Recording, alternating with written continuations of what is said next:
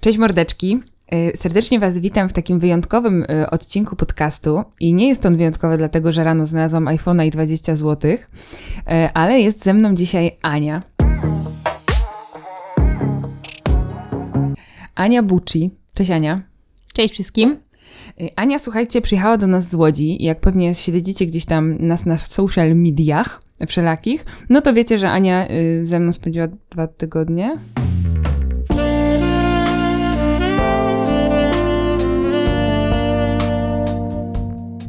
I przyjechała do nas y, z tej Łodzi, ponieważ jest lekarzem weterynarii i uczy się y, szkolić pieski. I chciała sobie trochę zrobić praktyki chciała to zrobić u kogoś mądrego, no i nie wiem jak to wyszło, że przyjechała do mnie.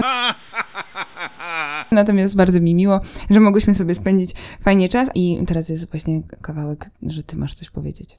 Głównie zajmuję się leczeniem psów i kotów yy, i specjalizuję się w radiologii, natomiast drugą moją um, ulubioną dziedziną jest właśnie behawiorystyka, w której teraz powolutku się rozkręcam, także mam nadzieję, że ten start z Małgo będzie takim po dobrym początkiem. No i, tutaj kończymy ten fragment y, właśnie bardzo najważniejszy.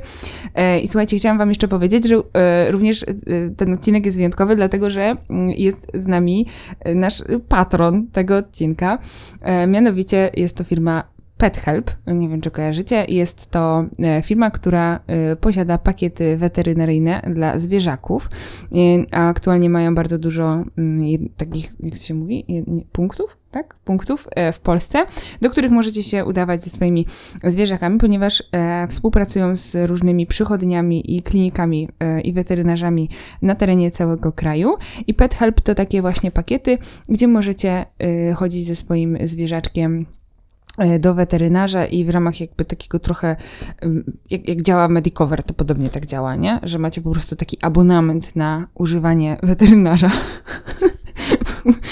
E, I słuchajcie, jeżeli chodzi o Pet Help, to oczywiście Wam zostawimy pod postem wszędzie opisy, żebyście mogli tam trafić.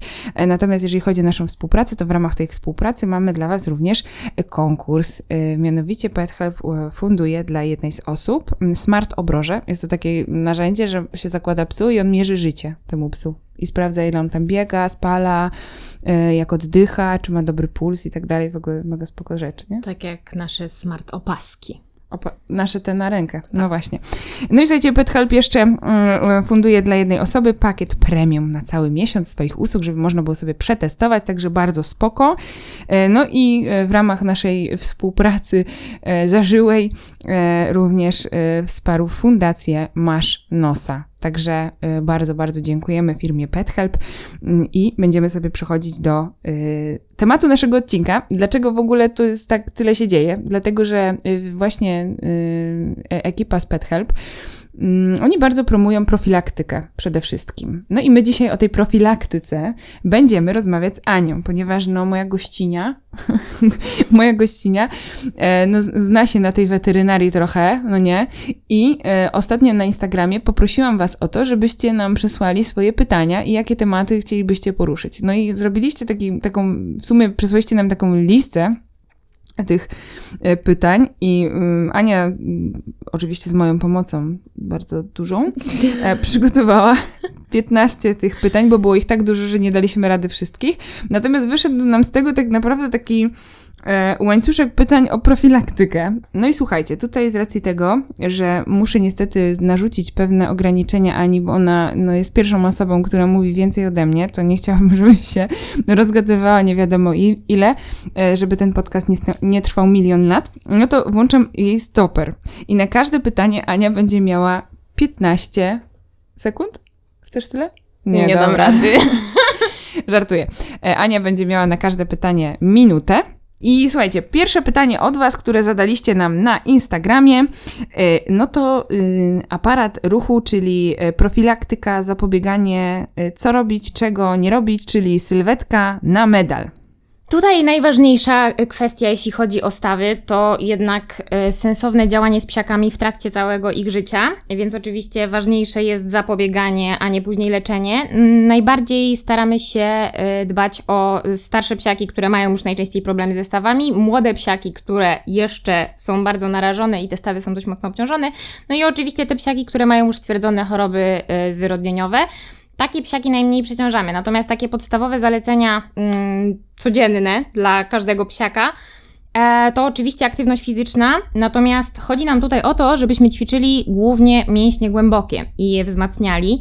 I tak naprawdę najlepsze, e, najlepsza forma takiego wzmacniania to jest bieżnia wodna, pływanie, jakieś sensowne fitnessy. E, oczywiście, jeśli macie psiaki, które mają predyspozycje, są dużo bardziej przeciążane, bo są psami pracującymi, można wprowadzić karmy typu mobility, natomiast zawsze e, konsultujemy to z lekarzem weterynarii. A to, czego oczywiście unikamy, to otyłości, bo to jest największy wróg dla naszych stawów.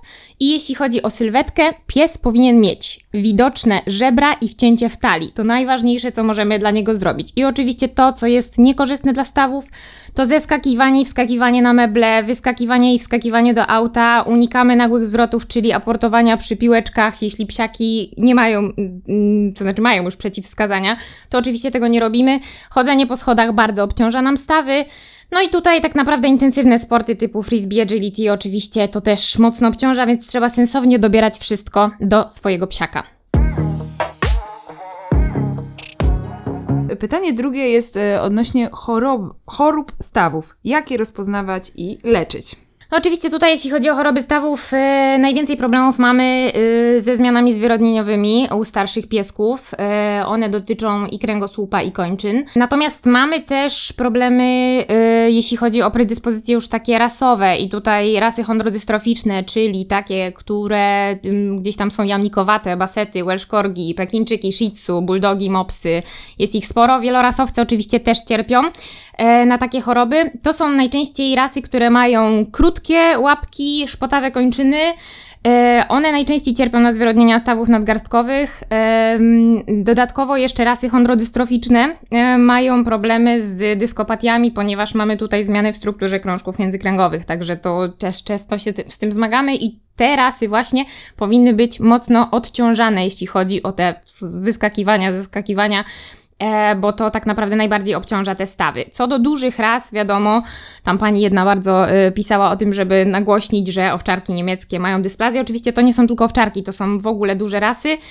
I e, te dysplazje stawów i łokciowych i biodrowych bardzo często się zdarzają. Mamy zespół ogona końskiego. Jeśli chodzi o diagnostykę takich psiaków, to bardzo ważne jest, żeby do piątego miesiąca życia udać się do lekarza weterynarii, tylko ma być to ortopeda i radiolog, który znają się na rzeczy, i tak naprawdę zrobić prześwietlenie tych stawów, żeby dowiedzieć się, czy rzeczywiście trzeba coś już robić, bo jest jeden zabieg, który robi się przed piątym miesiącem życia. Jeśli się to przeoczy, oczywiście są inne zabiegi, natomiast ten jest stosunkowo mało inwazyjny, a naprawdę może zdziałać bardzo fajne efekty i takim zabiegiem jest symfizjodeza. Możecie sobie Państwo doczytać później. Pytanie numer 3 od y, naszych y, uczestników Instagrama jest suplementy, nastawy, czy są potrzebne? E, tutaj tak, jeśli chodzi o suplementy, em, to oczywiście jeśli mamy już stwierdzoną e, chorobę zwyrodnieniową, zdecydowanie tak podajemy preparaty.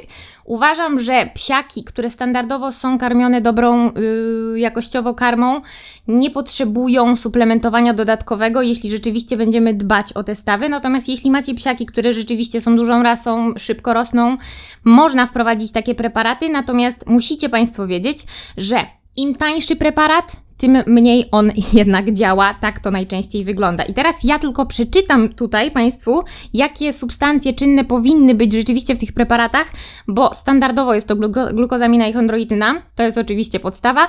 Natomiast y, substancje przeciwzapalne, takie przeciwreumatyczne, to są chociażby niezdenaturowany kolagen typu drugiego, kwasy omega-3, ekstrakt z rośliny Boswellia serrata, ekstrakt z ogórka siewnego, antyoksydanty, MSM, kwas hialuronowy, napal z liści dziewanny, ekstrakt z białej wierzby, czarci pazur, olej z krylu i kurkuminy. Jeśli takie substancje są w tych preparatach, takie Państwu polecam. Na pewno są lepsze niż standardowy, po prostu zwykły preparat z y, glukozaminą i chondroityną, bo niestety będziecie Państwo wydawać pieniądze, a jeśli chodzi o wchłanialność do samych stawów, to jest bardzo ciężkie i ten preparat musi niestety trochę kosztować, bo on musi być dobrze zrobiony, żeby ta przenikalność do stawów była większa. Bardzo dziękuję Aniu za taką e, odpowiedź na temat y, tych e, preparatów, różnych suplementów, bo no, na konsultacjach różnych też dostaję informacje, że ktoś tam coś suplementuje, a totalnie wiesz, nie, nie wiem, czy to jest w ogóle ma sens.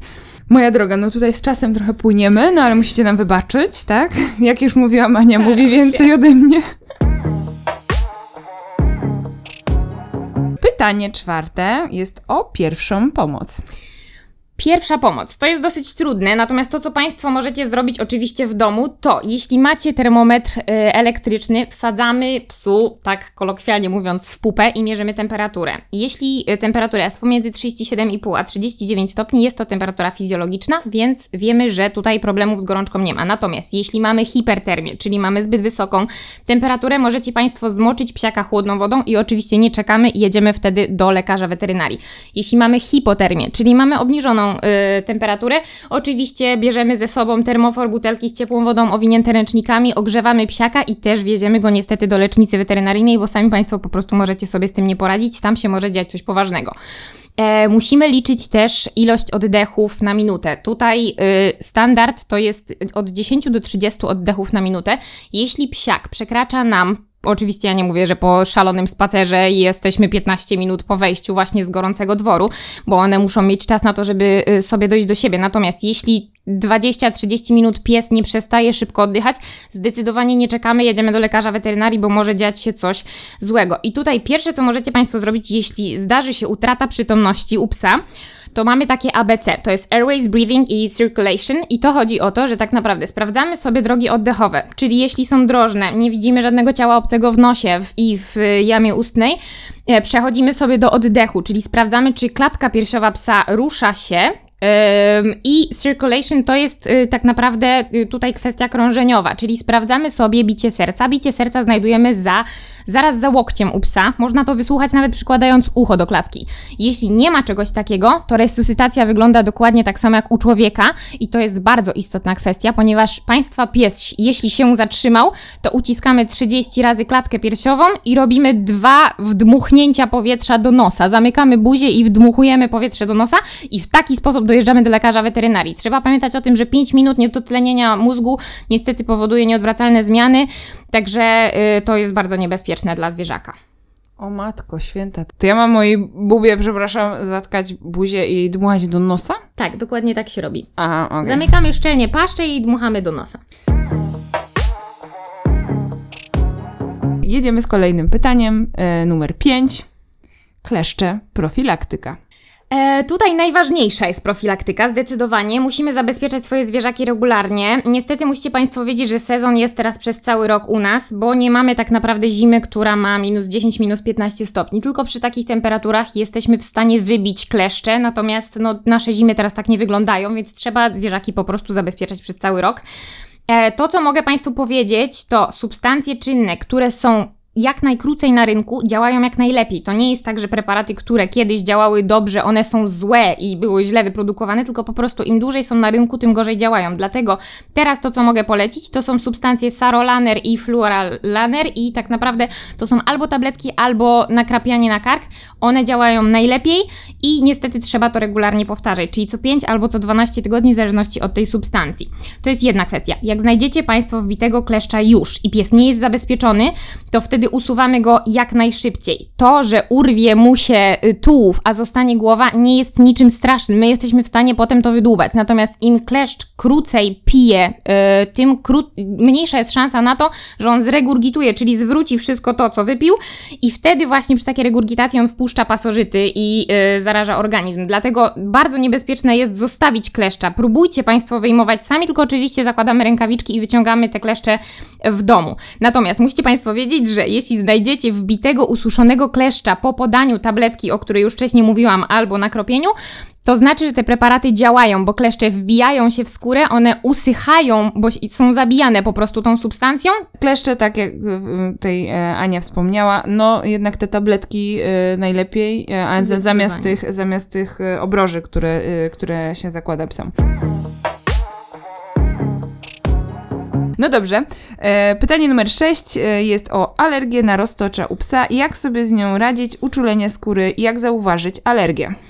E, najczęstsze objawy alergii to zapalenia kanałów słuchowych, czyli tak naprawdę stany zapalne uszu i wylizywanie łapek. Jeśli takie rzeczy się zdarzają, nawracają, musicie Państwo mieć lampkę gdzieś tam z tyłu głowy, że zaczyna się alergia albo ona już trwa. Alergia dzieli się na pokarmową i środowiskową i tutaj niestety trzeba udać się konkretnie już do dermatologa na pełną diagnostykę dermatologiczną tak naprawdę, bo oni zalecają dokładnie wszystko krok po kroku, w jaki sposób trzeba dojść do tego, żeby dowiedzieć się, jakie alergeny rzeczywiście e, powodują nam e, ten problem. E, bo tak naprawdę, jeśli chodzi o leczenie alergii, to główną e, składową leczenia jest unikanie tego alergenu, dlatego właśnie ważna jest ta dokładna diagnostyka. A co do już takiego standardowego działania, jeśli mamy stwierdzoną e, alergię, no to oczywiście tutaj e, musimy działać wspomagająco na skórę, czyli szamponoterapia co 1-3 tygodnie, tak naprawdę oczywiście szamponami dermatologicznymi, suplementujemy kwasy omega-3, omega-6, bo one zdecydowanie wzmacniają nam tą barierę e, skórną. E, musimy regularnie zabezpieczać przeciw pchłom, ale jeśli będziemy zabezpieczać przeciw kleszczom, to też będą zabezpieczone przeciw pchłom, bo niestety najczęściej alergicy są mocno uczuleni na ślinę pcheł i mamy od pchle zapalenie skóry, co będzie nam po prostu nasilało te alergie. E, I tak naprawdę y, standardowo do, dobieramy leki przeciwświądowe i, i przeciwzapalne, natomiast to już każdy lekarz indywidualnie będzie dopierał do tego, w jaki sposób y, pies rzeczywiście potrzebuje, jakiej ilości i, i, i jak dużo tego. Można nawet leczyć sezonowo, jeśli alergia jest tylko i wyłącznie alergią środowiskową i występuje co jakiś czas. Dzięki, Ania. Kurde. No trochę, du- trochę dużo rozgadujesz się tutaj, ale spoko. Ja, ja zawsze powtarzam moim słuchaczom i wszystkim osobom, które przez przypadek wyłączają te nagrania, że to jest mój podcast i mogę sobie robić w nim co chcę. Więc najwyżej, Świetnie. najwyżej przekroczymy magiczne 20 minut. Myślę, że się nikt nie e, obrazi. Najwyżej e, odsłuchacie sobie to na dwa razy. Okej, lecimy pytanie siódme. Jak dbać o opuszki, e, opuszki u psów? Maści, kremy. Yy, prawda jest taka, że moim zdaniem łapy są po to, żeby pies na nich chodził i standardowo nie potrzebujemy o nie dbać. Oczywiście, jeśli mamy zimą problemy z e, przymarzaniem kawałków lodu do zbyt dużej ilości sierści między opuszkami i psiaka to boli i odczuwają dyskomfort, tak wycinamy mm, ten nadmiar sierści, oczywiście uważnie z nożyczkami, jeśli się boimy idziemy do fryzjera psiego.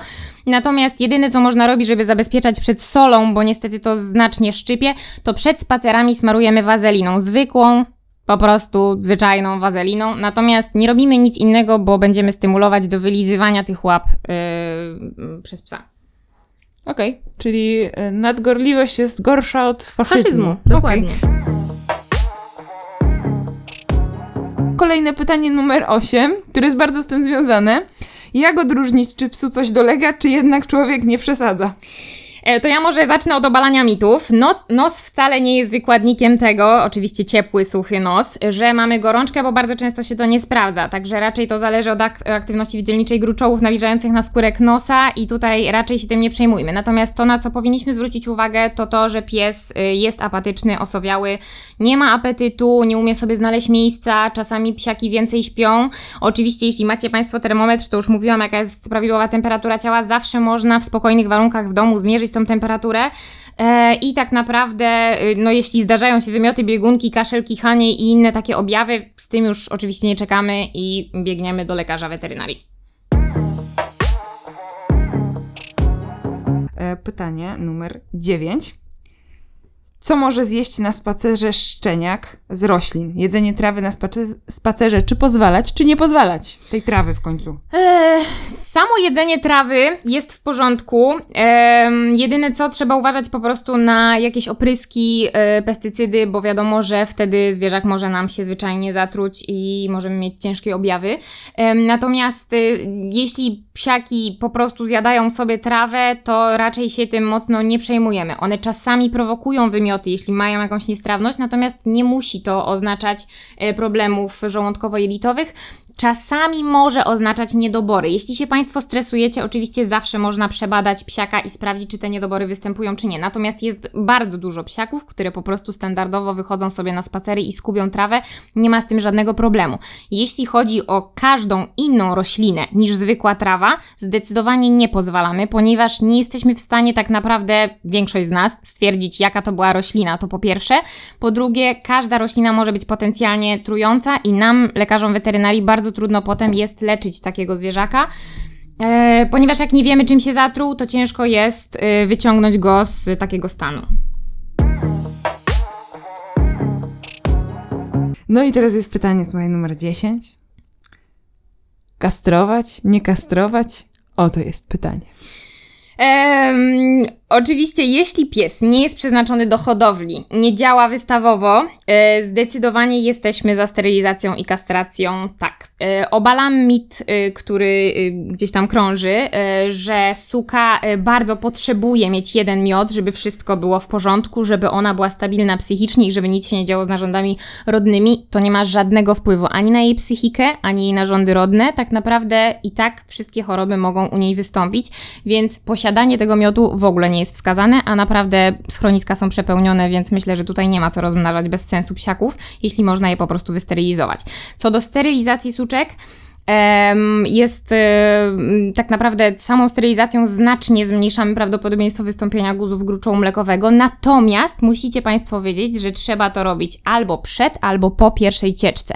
Jeśli będzie to po drugiej, to czy piąta, czy dziesiąta, czy piętnasta, to już nie ma żadnego znaczenia tak naprawdę, więc y, dlatego zwracamy uwagę na samym początku życia swojego psiaka, żeby wysterylizować go y, w miarę wcześniej. I teraz tak, Wczesne sterylizacje są też zalecane przez lekarzy, natomiast ja nie do końca jestem za tym, żeby robić to przed pierwszą cieczką, ponieważ bardzo często mamy problemy z kostnieniem chrząstek wzrostowych, przerastają nam kości na długość, e, dochodzi do patologicznych złamań, a do tego te psiaki gorzej się uczą i są dość mocno infantylne, ponieważ one po prostu nie, zdążały, nie zdążyły dojrzeć. Więc e, Pozwalamy im raczej na to, żeby przeszły sobie pierwszą cieczkę i jak tylko wasza suczka jest w pierwszej cieczce, idźcie do lekarza weterynarii i zapytajcie, za jaki czas będzie można ją wysterylizować. Najczęściej to jest 2-3 miesiące po przejściu cieczki, oczywiście, żeby doszło do e, inwolucji tej macicy, po prostu, żeby tam się wszystko unormowało. I oczywiście to, czego jeszcze e, unikamy przy już wysterylizowanym psiaku, no to tak naprawdę nie będziemy mieć ropomacicza, bo nie mamy macicy. E, nie będzie niechcianej ciąży, a takie bardzo często się zdarzają, bo psiaki po prostu zwyczajnie wtedy uciekają, jak buzują hormony i nie mamy problemów z ciążą urojoną, a jest to katorga i dla właścicieli, i dla tych suczek i niestety to może nam stymulować też do guzów gruczołu mlekowego. Także zdecydowanie sterylizacja tak. Co do kastracji samców, tutaj e, jedynym przeciwwskazaniem jest lękliwość, więc jeśli widzicie Państwo, że psiak bardzo się boi i tak naprawdę nie radzi sobie z otoczeniem, tu zdecydowanie zastanowiłabym się nad tym, czy usuwać mu e, te jąderka, czy jednak je zostawić, ponieważ testosteron jest jednym z hormonów pewności siebie, e, co może po prostu pogarszać nam stan lękliwości. Natomiast jeśli pies nie jest lękliwy, jest stabilny, zdecydowanie pozbywamy się narządu, który potencjalnie może nowotworzyć, więc zdecydowanie jesteśmy za kastracją i tak naprawdę y, mm, tutaj zmniejszamy ryzyko wystąpienia torbielowatego rozrostu prostaty przez stymulację tego testosteronu przez całe życie. To jest jedna kwestia. E, Dodatkowo takie samce bardzo często wylizują po suczkach, jak czują na spacerach, y, jak mamy okresy cieczkowe i mamy wtedy bardzo często problemy żołądkowo-jelitowe.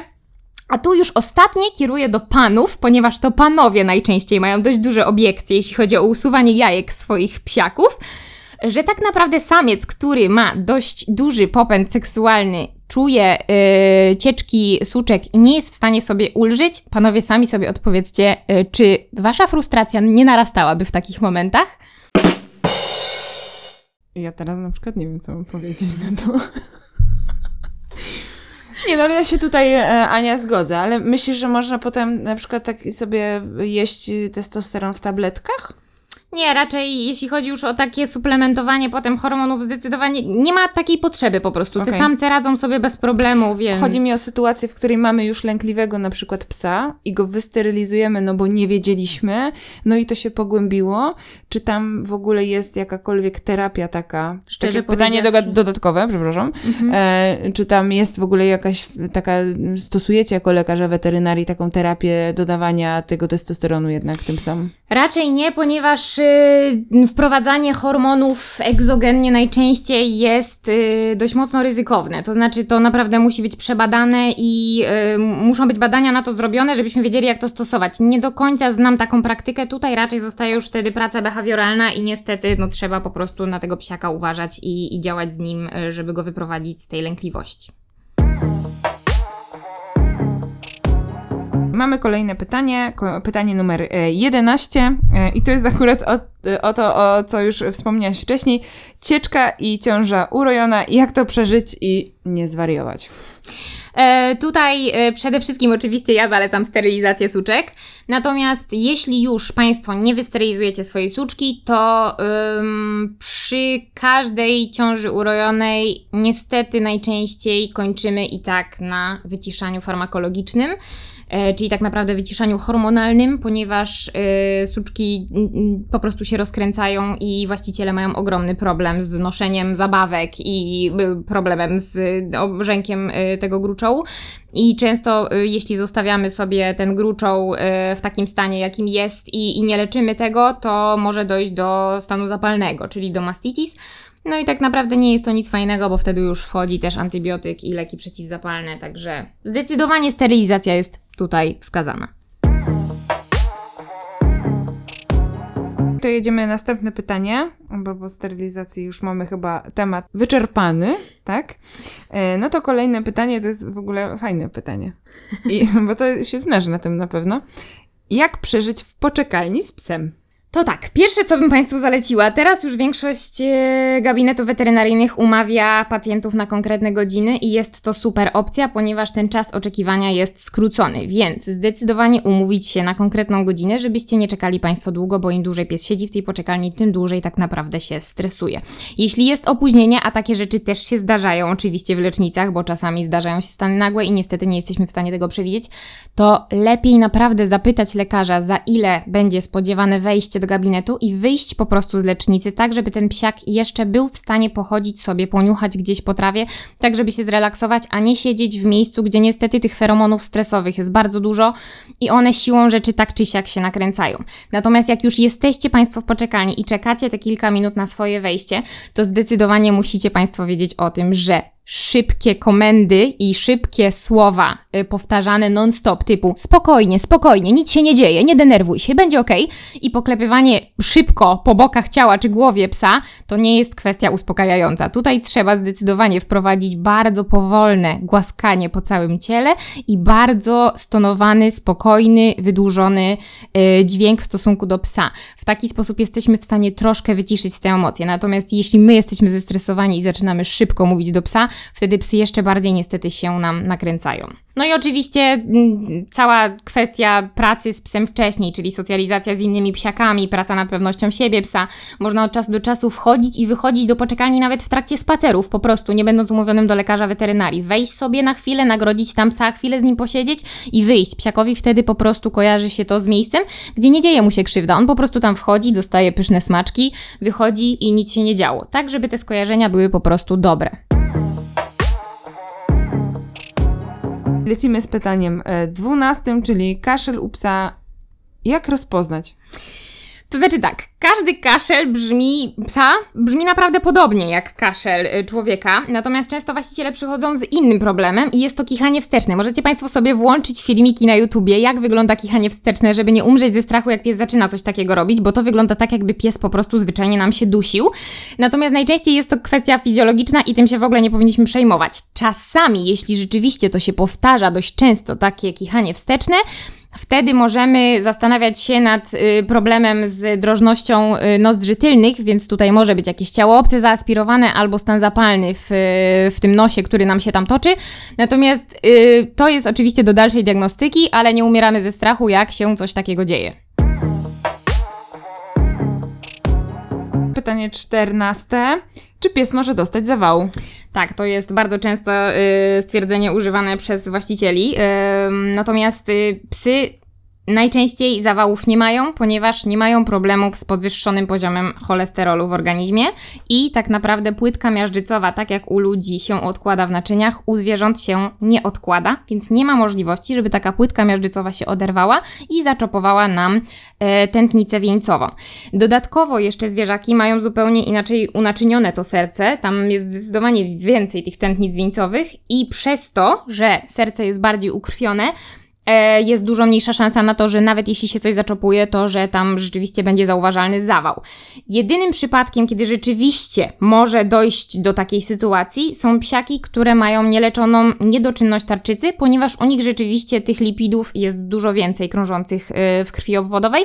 Natomiast jest to i tak bardzo, bardzo rzadka kwestia, więc raczej nie ma czegoś takiego jak zawały u psów.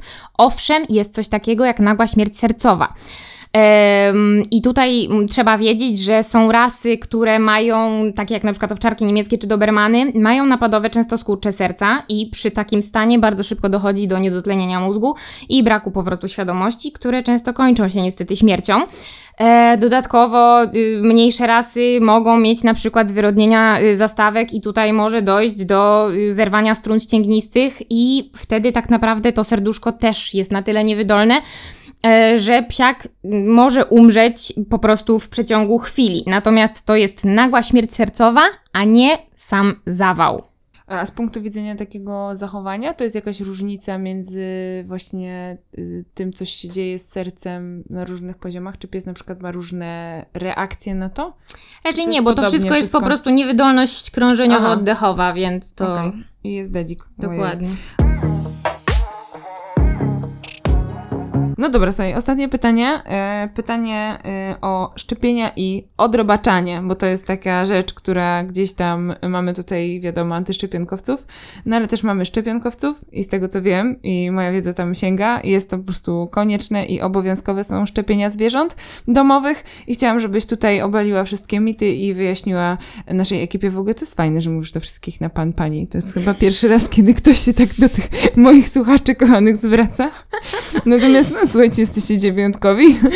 E, także odrobaczanie i szczepienia jako ostatni punkt, no i tutaj lecisz. E, no oczywiście m, najważniejsze szczepienia, które mamy, to są te szczepienia wieku e, m, szczenięcego. E, przede wszystkim chodzi nam tutaj o choroby zakaźne i standardowo, jeśli zaczynamy od szóstego tygodnia życia, to wtedy szczeniak będzie miał trzy szczepienia, ponieważ to pierwsze szczepienie to jest szczepionka dwuskładnikowa i tutaj wydaje się wszystkim, że tego antygenu jest tam dużo mniej, bo tam są tylko dwa składniki. To proszę Państwa tak nie działa. Tam generalnie mamy dużo wyższe stężenie tych antygenów, które standardowo w pięcioskładnikowych szczepionkach są niższe, ponieważ we wczesnym okresie e, szczenięcym psiaki mają bardzo duże stężenia jeszcze przeciwciał matczynych przeciwko właśnie tym antygenom. Więc bardzo często jest tak, że ta pierwsza szczepionka, żeby w ogóle zadziałać i pobudzić organizm do produkcji swoich przeciwciał, będzie z, z, mm, te wirusy będą zwalczane tak naprawdę przez przeciwciała matczyne, więc to jest istotne. Natomiast jeśli szczepimy psiaka już po siódmym, ósmym tygodniu, wtedy tak naprawdę to są dwa szczepienia i najczęściej odstęp między szczepieniami standardowo to jest trzy tygodnie, czyli albo to będzie szósty, dziewiąty, dwunasty tydzień, jeśli zaczynamy od tego szóstego, albo to będzie na przykład ósmy, dwunasty. Em, tutaj najczęściej tak to wygląda, bo wiadomo, że chcemy, żeby psiaki jak najszybciej wychodziły nam z domu, bo koniec końców według y, badań najnowszych y, szczeniak powinien być zaszczepiony ostatni raz, ostatnią dawką po 16 tygodniu życia. Natomiast bardzo często koliduje nam to jeszcze ze szczepieniem na wściekliznę, e, a wiadomo, że każdy właściciel chce, żeby jego szczeniak jak najszybciej uczył się czystości i dlatego chciałby po prostu wyprowadzać go jak najwcześniej. Z mojego doświadczenia bardzo fajnie y, sprawdza się ten schemat 6, 9, 12 tydzień, także tak polecam wszystkim. To jest jedna rzecz. E, Natomiast e, jeśli chodzi o wściekliznę, wiadomo, że tutaj e, pierwsza dawka urzędowo jest to oczywiście obwarowane, musi być podana między 12 a 16 tygodniem życia. Jeśli Państwo to przeoczycie i coś się wydarzy, nawet jeśli to któryś inny pies zaatakuje Państwa psa, a Państwa pies nie będzie zaszczepiony, to będą wtedy niestety problemy. E, dlatego zdecydowanie trzeba o to dbać. Oczywiście wś- wściekliznę doszczepiamy standardowo co roku, bo tak jest urzędowo zalecone i tak musi być i koniec kropka. Natomiast jeśli chodzi o szczepienia y, przeciw y, chorobom zakaźnym, Po pierwszym roku, czyli jak zwierzak ma około roku, jeszcze raz doszczepiamy na choroby zakaźne, natomiast później już doszczepiamy co 2-3 lata tak naprawdę. Słuchaj, odpowiedziałaś na większość pytań. Jeżeli chodzi o tą profilaktykę taką, która jest najważniejsza, to ja jeszcze mam od siebie jedno pytanie odnośnie właśnie takiego standardowego dbania o psa, bo ja nie mówię, jak coś się wydarzy, bo my mamy tak, że już sobie tam gdzieś idziemy w momencie, w którym coś się wydarzy, pies zaczyna kuleć, e, już, nie wiem, zakleiło mu się tak oko ropą, że już nie widzi, to wtedy dopiero ruszamy do tego weterynarza. E, jak zalecasz częstotliwość wizyt takich typowo profilaktycznych, żeby podejść do weterynarza, przejrzeć wszystko, sprawdzić, czy jest wszystko w porządku e, i ewentualnie wtedy działać, ale tak, żeby lepiej zapobiegać niż leczyć, tak? E, jak, jak ty jako lekarz weterynarii e, mogłabyś tak podsumować, w jaki sposób zadbać o to, żeby jednak szybciej reagować? Prawda jest taka, że jeśli regularnie Państwo szczepicie swoje zwierzaki, czyli mm, widzimy się raz do roku na szczepieniu przeciw wściekliźnie, obowiązkiem każdego lekarza jest zbadać psiaka, więc wtedy badanie kliniczne wykonujemy i wyłapujemy rzeczy, które nas niepokoją. Natomiast jeśli chodzi o takie y, szersze już y, badania y, i dodatkową diagnostykę, to oczywiście ja jestem za tym, żeby badać jak najczęściej i jak najszybciej, jeśli chodzi o badania krwi i sprawdzać to i badania moczu. Natomiast raczej zalecałabym, żeby po czwartym, szóstym roku życia zdecydowanie raz do roku minimum zrobić taki profil rozszerzony, jeśli chodzi o badania krwi, tak żeby wyłapać e, chociażby jakieś pierwsze e, objawy, które mogą nam mówić, że coś jest nie do końca tak jak trzeba. I tak naprawdę z takich, e, jeśli będziemy się rzeczywiście widzieć regularnie na tych szczepieniach, to myślę, że tutaj lekarze weterynarii po, po prostu powinni zalecać e, jakieś dodatkowe badania, jeśli będzie to mm, wskazane. Jeśli nie, to myślę, że standardowo raz do roku po tym czwartym, szóstym roku życia badanie krwi i moczu i będzie ok. Ale nie wpadać w panikę. Bez przesady. Super. Kurde, Ania, bardzo Ci dziękuję za. Jezu, powiedziałam kurde. Jak nie ja. bardzo Ci dziękuję za przygotowanie takich obszernych odpowiedzi na Wasze pytania. Mam nadzieję, że gdzieś tam e, sobie wyciągniecie jakąś e, wiedzę dla Was potrzebną. E, jeśli chodzi o taką profilaktykę, to tak jak wspomniałam na początku naszego odcinka, firma PetHelp bardzo stawia właśnie na profilaktykę i rozmawiałam właśnie ze Sławkiem wczoraj i powiedział mi, że wprowadzają teraz taką usługę w całej Polsce tak naprawdę, że nawet jeżeli jakaś klinika czy też nie współpracują jeszcze bezpośrednio z PetHelpem, można się do nich uda- udać i e, również ym, PetHelp załatwia e, jakby e, te wizyty jakoś tam sobie po swojemu, nawet nie wiem jak. Natomiast e, jest to bardzo fajna opcja i myślę, że w końcu w każdym, u każdego weterynarza e, będzie można z, z takich e, pakietów skorzystać, no bo to jest jednak mega wygodne, jeżeli ma się robić tą profilaktykę i regularnie być na badaniach, e, to, e, to gdzieś tam te koszty mogą no, no trochę zeżreć, nie? Bo ty jesteś weterynarzem, to wiesz jak tam... e, Mogą zeżreć. Tak, jest, jest, dużo się za to płaci, dlatego jeżeli mamy y, pieska i zależy nam na tym, y, żeby nawet kotka też możemy mieć, zależy nam na tym, żeby y, dobrze o niego zadbać, to taki stały kontakt z weterynarzem plus właśnie opcja takiego abonamentu jest mega spoko opcją. My będziemy to również tutaj po naszej stronie mm, testować na naszym kanale na YouTubie. Powstanie również film e, w temacie, żeby sprawdzić, jak e, dokładnie działa, działają usługi PetHelp, żebyście też mieli pełen obraz, a ja odsyłam Was tam na stronę, także bardzo dziękuję Sławku, że e, tutaj wsparłeś nas w tym e, nagraniu. E, I słuchajcie, pod postem na Facebooku będzie konkurs, ogłoszenie konkursu będzie tam, więc tam musicie iść i sobie zobaczyć, co tam trzeba zrobić, żeby wygrać Smart Obroże e, albo pakiet premium właśnie od PetHelpa na cały miesiąc. To chyba tyle. Tyle? Chyba tyle. Ania, ty chciałabyś coś powiedzieć tutaj? To, tam do mikrofonu? Bardzo dziękuję za uwagę. Ja również bardzo dziękuję za uwagę. Łapeczka.